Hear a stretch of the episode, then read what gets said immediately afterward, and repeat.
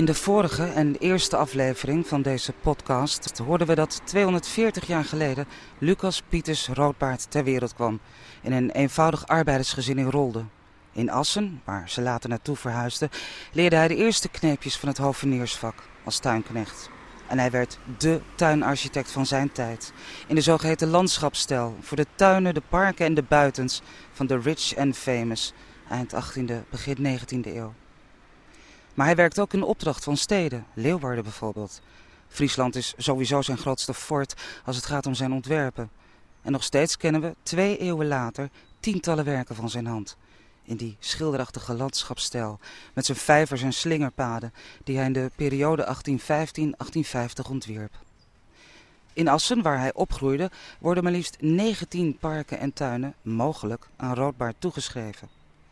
Maar klopt dat wel? Dr. Rita Radetzky uit Leeuwarden, die eerder dit jaar op hem promoveerde en daar een lijvige publicatie over uitbracht, is er minder zeker van. Radetzky wil bewijzen zien, zoals van de tuin van het Witte Huis en de Vaart in Assen, waar ik nu sta, anno 2021. Hierachter ligt een tuin die Roodbaard heeft ontworpen, in opdracht van Hendrik Jan Oosting, die hier woonde en het tot burgemeester schopte. Rita Radetzky over drie tuinen en parken in Assen, waarvan we zeker weten dat Roodbaard ze ontwierp.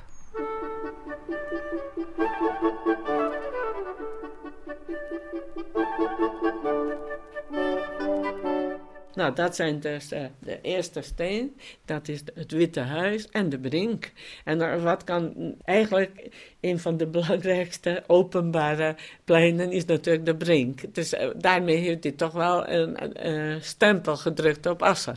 En dat, dat is natuurlijk heel mooi. En ik had het zo graag gewild dat die tekening bewaard is gebleven. Maar dat is dus helaas niet het geval. Maar wij weten dat hij het heeft getekend, want er is daarvan een kopie overgebleven, die inmiddels ook is verdwenen. Maar van die kopie is er in een artikel, uh, is nou ja, in de jaren 60 van de vorige eeuw, daar is dat afgedrukt, die kopie. Dus daar heeft iemand toch wel goed over nagedacht van dit is belangrijk. En dankzij dat artikel is het nu toch nog duidelijk dat daar roodbaard zijn kenmerken in zitten. Want als je die tekening bekijkt, vind je al zijn uh, bekende dingen zoals de slingerpaden, die perkjes, daarin de kleine bloemperkjes. Dus je hebt die grasvelden wat hij dan invult met kleinere uh, bloemperkjes. Dus die hele sfeer, die, die kun je daarop volgen. En natuurlijk een mooie schilderij van, van schilder Kiers is overgebleven, uh, die is nog. En dan kun je dus bekijken uh, hoe dat er ooit uitgezien heeft. Dus eigenlijk als je daar nu loopt, hè, op de brink, dan kun je een beetje nog oproepen en paardbomen staan. er. ja, heel klein beetje, ja. Dus uh, dat is belangrijk. Maar het interessantste is misschien toch wel het Witte Huis, want dat was een heel mooie locatie aan de vaart. En daar was een, uh, ja, een mooie neoclassicistische huis en daarachter een prachtige landschapstuin. Dus uh, dat is natuurlijk een heel bijzondere plek geweest. Daar, weer de Oostings hebben we dan. Hè. Dat was een erf van Jan Haak, maar zijn zoon die liet dat huis bouwen in 1823 en die liet dan weer Roodbaard die tuin aanleggen. Dus weer Oosting in beeld en uh, die uh, zoon die heeft dus uh, ja, toch wel weer uh, van vader natuurlijk gehoord hoe goed die man is. Dus die, die heeft hem toch wel weer gevraagd om die tuin aan te leggen. En die was eigenlijk een heel bijzondere aanleg. Dus gelukkig is er nog de tekening van over.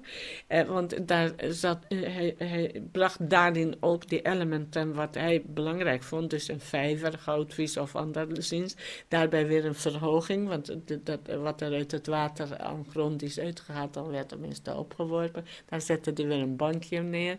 Dan van het, huis kon je over de, de hele tuin uitkijken. Dus hij heeft daar al die perken aangelegd, zelfs een aspergeperk. En dat is dus bij Roodbaard heel bijzonder, dat hij in zo'n tuin, waar de ziertuinfunctie ook in zit, ook een moestuinfunctie, een nutsfunctie aangeeft. En dat was in die tuin aanwezig. Dus daar had je moestuin en ziertuin gecombineerd. En gelukkig is er nog uh, één foto van latere tijd, tegen 1900. En daar kun je nog zien die vijver achter het huis. Dus een beetje die sfeer, natuurlijk ook al heel veel na die tijd van Roodbaard. Maar toch een beetje die sfeer. De vijver is heel belangrijk altijd voor Roodbaard. Want hij wil alles laten weerspiegelen. Hè?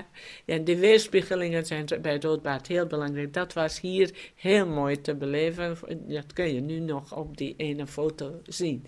En deze tuin, die is dus eigenlijk, uh, nou ja, eh, op die tekening die verknipt is, dat is allemaal een stuk wat, uh, waar hij een hele mooie passer heeft getekend, dat is apart daarop. Maar goed, je hebt die tekening en je kunt dus zien hoe hij die, die langgerecht perceel hartstikke mooi kon invullen met alle, ja, alle elementen wat in zo'n landschapstuin hij belangrijk vindt, zitten erin. En er zitten, dat, die tekening die is echt heel bijzonder geweest voor mij ook, want er zitten allemaal letters op. Maar de legenda, dus wat uh, uitlegt van die letter uh, G betreft dat of dat, die mist. Maar als je heel goed kijkt op een bepaald moment, dan kun je toch wel uitvinden wat dat moet geweest zijn. Als je dus de roodbaardtekeningen in je hoofd hebt, dan denk je, oh, dat is dat, dat is dat. Niet allemaal, maar een paar wel. En daardoor kun je het een beetje duiden. Want hij heeft een boom aan. Oh ja, dat heeft hij daar en daar ook gedaan. Nou, dan is dat die en die boom. Dus je kunt daaruit weer uh, zijn concept, wat hij bedacht heeft, kun je volgen. Daarom was deze tekening voor mij heel belangrijk. Dus in het Assad Museum is het. Dus ja. Dr. Rita Radetzky verwijst naar het Drents Museum aan de Brink in Assen. De Brink die ooit door Roodbaard een nieuwe invulling kreeg. Maar je moet er wel een beetje door je oogwimpers heen kijken om dat er nog aan te kunnen zien vandaag de dag. Zoals eerder gezegd, in Assen worden maar liefst 19 tuinen en andere ontwerpen min of meer aan Roodbaard toegeschreven. Maar Radetsky, die jarenlang onderzoek deed naar het werk van Roodbaard, is streng en onherroepelijk. Het gaat haar om de feiten. Als er bewijzen zijn, dan pas mogen we een tuin een Roodbaardtuin noemen. En die prachtige deels in landschapsstijl aangelegde tuin bij Huizen over Singel dan, in Assen, waarvan heel veel mensen denken dat het een ontwerp van onze roodpaard is? Het bewijs kon ik niet vinden. En, je ziet daar inderdaad een landschappelijke aanleg. Uh, wordt, uh, ja, de tijd zou ook kunnen kloppen. Dus het zou kunnen, maar ik heb het niet gevonden. Ik, ik, heb het niet kunnen vinden. En dat is heel jammer, want er zijn een paar van dit soort tuinen... Wat, waarvan ik ook altijd heb gedacht dat het roodbaard is. En nu blijkt het dat je het bewijs niet kunt vinden. Dus dat, dat, dat is echt een, een probleem met Ondanks het feit dat daar heel mooie landschappelijke kronkelpaden, slingerpaden zijn. Dus ja, misschien komt nog ooit een bewijs daarvoor. Dat moeten we nog zien. Dat moeten we nog zien. Tot slot, wat had Rita Radetsky nou eigenlijk wel het liefst aan Roodbaard willen vragen, als dat ooit gekund had? Hoe kon hij in godsnaam zijn tijd zo indelen dat hij zoveel plekken zoveel tuinen kon hebben aangelegd. Want hij kon niet met de brommer naar, vanuit Leeuwarden naar Assen. Dat, dat kon niet. En hij moest met postkoets of met de trekschuit, was hij aan het bewegen van A tot B.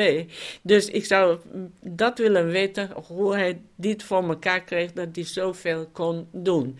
De, als, als manager, zeg maar. Dus ik wou uh, Roodbaard als Roodbaard de schetser en als Roodbaard de uh, manager. En wat heeft Roodbaard naast zijn tuinen en parken en schetsen en tekeningen nou nog meer nagelaten?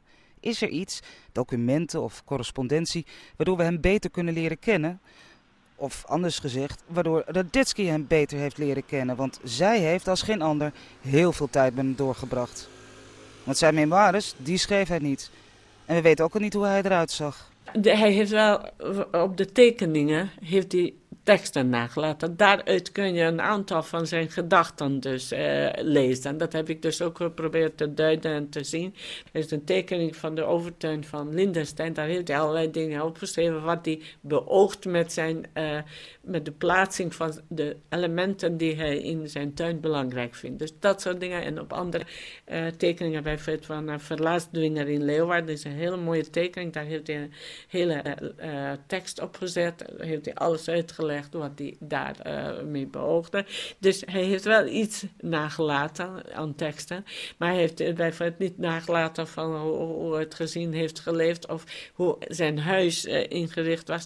En had hij een, ik heb het proberen te beschrijven, hij moet toch wel een, een werkkamer hebben gehad, maar daar weten we dus ook niks van. En dat is dan wel jammer. Maar als je bedenkt dat je nu ook niet zoveel over dit soort dingen opschrijft, dan is het niet eens verbazingwekkend. Maar ik zou het wel willen weten. En dat, dat is ook wel weer. Um, iedereen wil het weten hoe die man uh, eruit gezien heeft, maar er is geen portret van hem. Hij was portretschilder, maar hij heeft geen zelfportret gemaakt.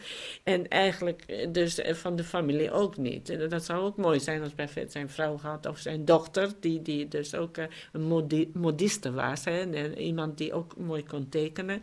Maar die maakte mooie hoeden en allerlei dingen. Dus die, had ook iets van een kunstzinnigheid in Uh, het is zo, Roodbaard was zelf natuurlijk kunstzinnig, maar die dochter had daar ook iets van. En uh, zij waren in dat pand waar ze woonden aan de Nieuwstraat. Daar hadden ze toch wel een ruimte waar iets kunt verwachten dat daar dit soort activiteiten werden door hen gedaan. En dat zijn natuurlijk die dingen, dat zou ik allemaal willen vragen. En die, dat zijn die vragen die moeilijk kunnen worden beantwoord. Zijn uh, tweede uh, huis in uh, Leeuwarden aan de Bagijnenstraat had hij een tuin. En daar had hij zijn lievelingsrozen in. Want hij had daar allerlei rozen gehad. En hij had daar ook een tuinhuisje. Dus hij, hij had daar echt een tuin nog voor zich, waarschijnlijk ook vanwege het gezien dat dat nog zodanig was, samengesteld met wat kleinere kinderen. Maar daar had hij nog een tuin. Maar bij de, aan de Nieuwstad had hij het niet meer.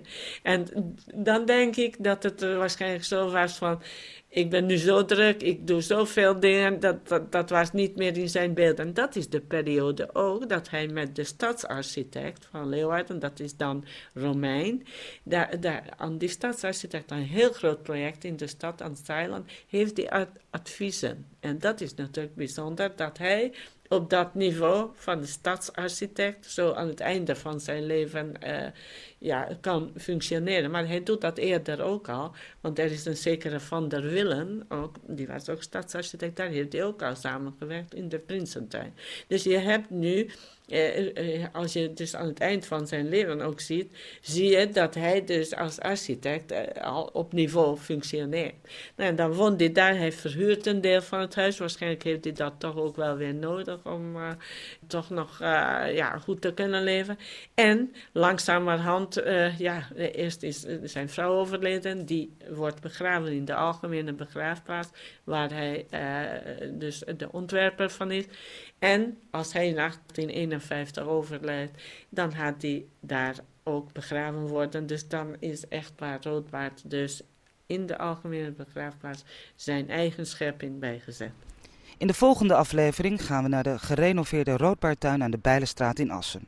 Ooit onderdeel van landgoed De Eerste Steen, gesticht door Jan Haak Oosting, die in 1789 de uitgestrekte heidevelden ten zuiden van Assen in erfpacht van de stad kreeg. Oosting was belangrijk. Hij had allerlei belangrijke functies, waaronder die van belastingontvanger van Drenthe. Zijn zoon, Hendrik Jan Oosting, die tot burgemeester van Assen schopte, noemde het landgoed later Dennenoord. En we hoorden zojuist meer over zijn huis. Dat was namelijk het Witte Huis aan de Vaart in Assen, waarvoor Roodbaard de stadstuin aanlegde, inclusief aspergebed. Het boek van Rita Radetsky heet Tuinarchitect Lucas Pieters Roodbaard 1782-1851 en de landschapstijl en het is uitgegeven door Noordboek.